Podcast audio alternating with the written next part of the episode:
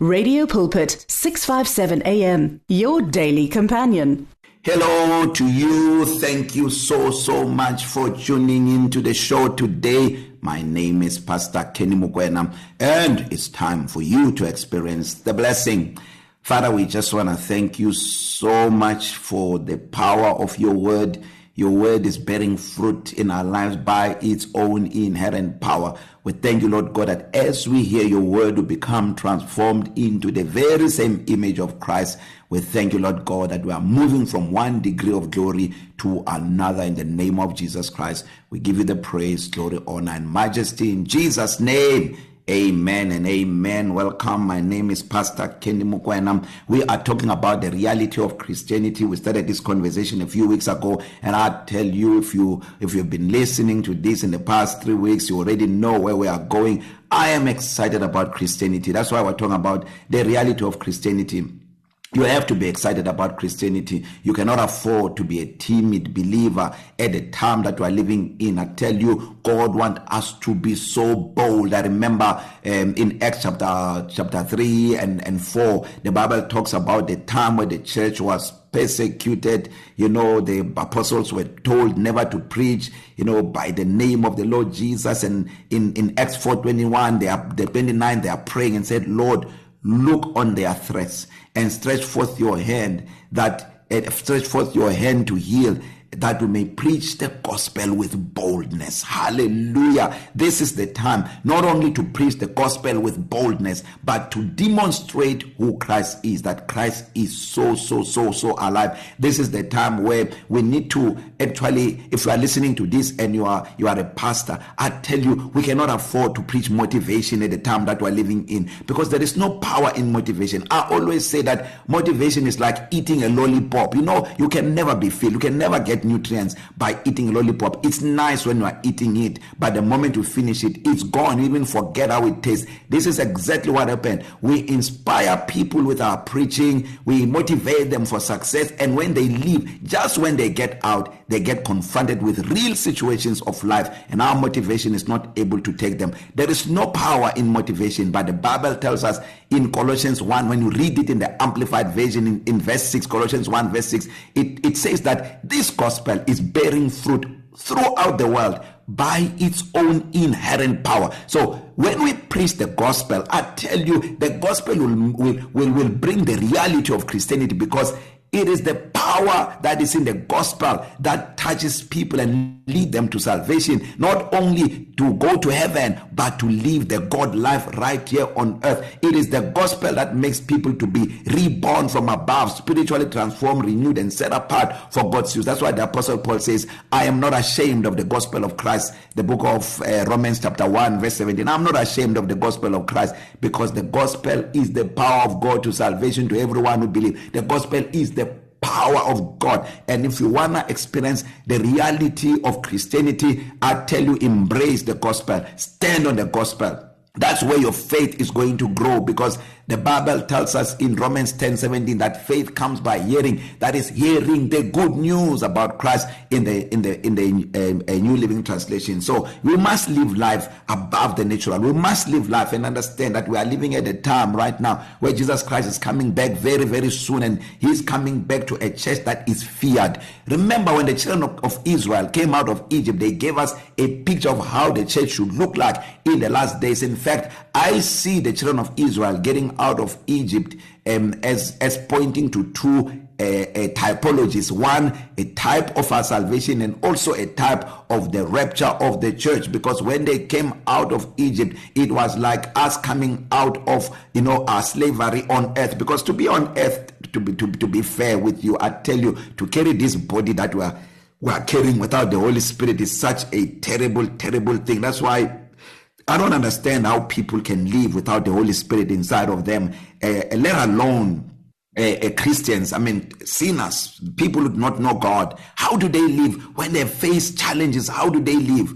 But now we take it to the, we bring it home now. As a Christian, when you are confronted with an evil day, when you are confronted with a with a situation, when you are confronted with real issues of life, how do how does your Christianity work for you? That's why Isaiah 53 verse 1 says who has believed our report? And to whom has the Lord revealed revealed revealed revealed or manifested his powerful arm? There are some Christians they've been Christians for a very very long time but they have never experienced the power of God. They have never seen God revealing his powerful arm. Listen the right hand of the Lord is powerful for you to access it. You must have faith. Without faith you will never be able to experience Christianity. That's why the apostle Paul in first Corinthians um um verse verse uh, chapter 15 verse 2 it says by this faith when you read in the amplified it says by this faith you are saved reborn from above spiritually transformed renewed and set apart for his use. If you hold firmly if you hold firmly to the word which I preach to you unless you believed in vain just superficially and without complete commitment. So a lot of people a lot of people call themselves Christians but you can tell that Christianity is in the surface. You can hear in the conversations that you have with them. You can tell in their in in in their conduct what they do habitually.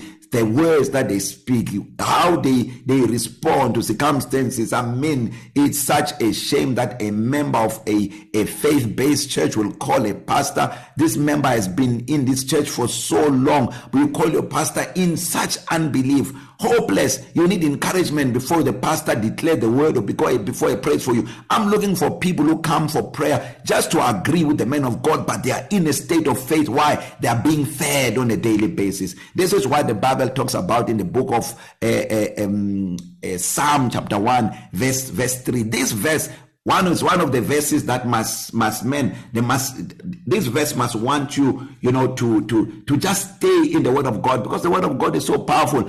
Believers who never stay in the word of god are weak believers who they who have never they've been in christianity for many years but they've never understood the reality of of of christianity. I'm being radical preaching this today. You know me i'm a very very nice guy. If you've been listening to my show for a very long time you you, you know that i'm a very very very nice guy. But i mean you cannot be nice talking about this kind of subject because you need to get people you need to get people to be moved from where they are to the level where God wants us to be so that we can be able to to stand bold and you know not allow the devil to play around with us. No we must be bold now more than ever before. So when you look at the children of Israel when they came out of Egypt the bible says that they left Egypt with silver and gold. There was no feeble or sick person among them. And then it says this Egypt rejoice when they departed because the fear of them came upon them. We need to grow to that point where the before Jesus Christ returned the church is feared. Look at the two witnesses in the book of revelations.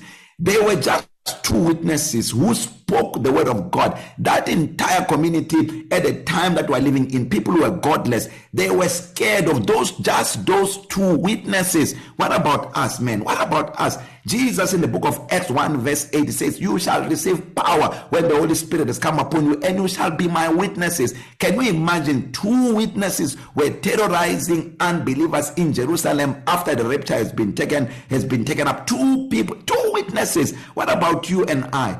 What about you and I? Listen the earth must rejoice when we are taken out of here because the fear of the church has come upon them. The church must be feared again but it will never happen if we are timid if we do not have faith if we do not understand the reality of Christianity. You must you must be angry as a believer to have been in the church for so long but have never understood the reality of Christianity. And one of the reasons is because we lack the diligence that is required to make Christianity real. Remember Psalm 34:10 uh, uh, uh, David says a young lion do lack and suffer hunger but those who diligently diligently diligently seek the Lord they shall not lack any good thing we also see this in Hebrews chapter 11 verse 6 those who come to God those who come to God it means these are Christians must believe that he is or he exists or he is real. He is real and is a rewarder of them that diligently seek him. When it talks about reward there it means that your Christianity will bear fruit. God will reward your Christianity by manifesting himself. You know Christians when you talk about the reward they already think money new house a car. No no no no no. Those are little things man. Talking about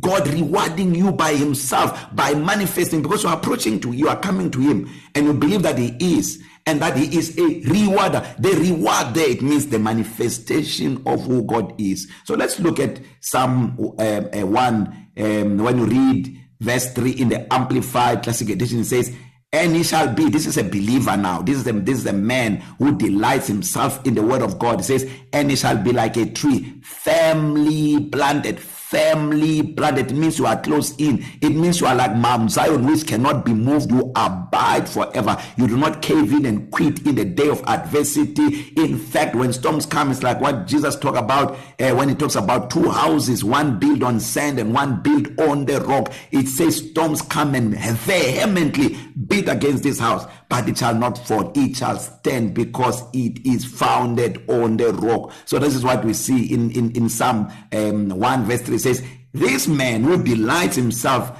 in the word of God he shall be like a tree firmly planted and tended by the streams of water ready to bring forth its fruit in its season. Its leaf also shall not fade or wither and everything it does everything it does proper prospers and come to maturity. So this is what we're talking about when we talk about the reality of Christianity living in that arena in that state where everything you do literally everything you do prospers. I like this um someone in the message version. The message version is nice. It says it says this man who delights himself in the word of God he says instead you thrill to God's word. You chew on scripture day and night. You are a tree, not like you are a tree replanted in Eden, bearing fresh fruit every month, never dropping a leaf always blossoming. This is the reality of christianity. As christians we must understand the reality of our christianity. We do not move from disaster to prosperity. No. But some christians stay in disaster. They're moving from one disaster to another. No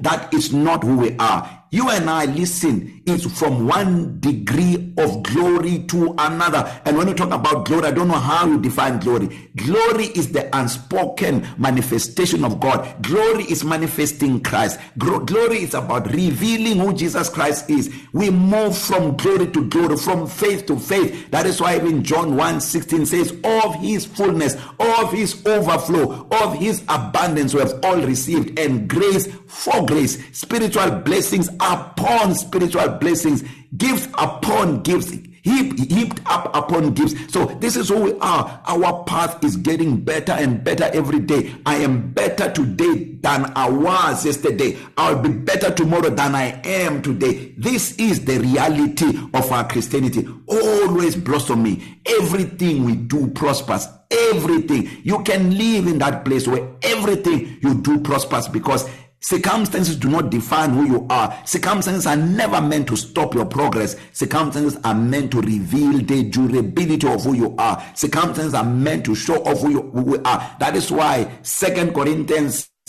uh, I think it's it's it's it's it's it's 4 verse verse verse 8 it says that um, we are hard pressed at every side but we are not crushed. You and I can never be crushed. We are perplexed, but we are not in despair. We may not understand or, or, or figure out what is happening, but we do not lose hope. We stay in expectation of good, like David in Psalm 27 13. The Bible says, David says, I would have lost heart unless I believed, not unless I believe other people live in believing you know it's like magama basu you are lindo kuhle. No you must refuse to be lindo kuhle. How do you become a lindo kuhle? You are always expecting but you never reach to to manifestation. You and I will live in manifestation. Everything we do prospers. Our path is like the shining sun. It becomes brighter and brighter not from one disaster to another. No no no no. Refuse as a christian to to perpetually be in struggles. Always sick always in casualty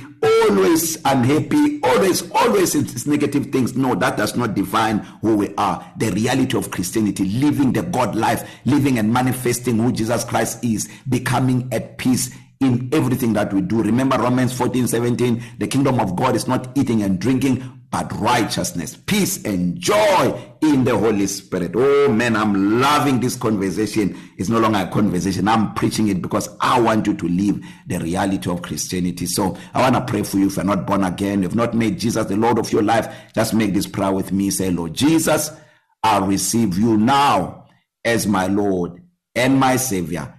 Amen and amen. If you made that prayer born again or my brother or my sister, I will see you in heaven. Please send me a WhatsApp message and request for a free salvation material. I tell you, if you are wondering how to receive the baptism of the Holy Spirit with the evidence of speaking in tongues, the material will guide you. I share also my experience on how I received the baptism of the Holy Spirit. And I tell you, you will be so stirred up. So send me a WhatsApp message plus two seven six six zero six six zero two five zero plus two seven six six zero six six zero two five zero, and I will send it to you right away. I love you so much. God bless you, and may you experience the goodness of the Lord every moment of every day. God bless you. The words of the Lord are words of life. Your heart is on 657 AM. 657 AM. Radio for believers in action.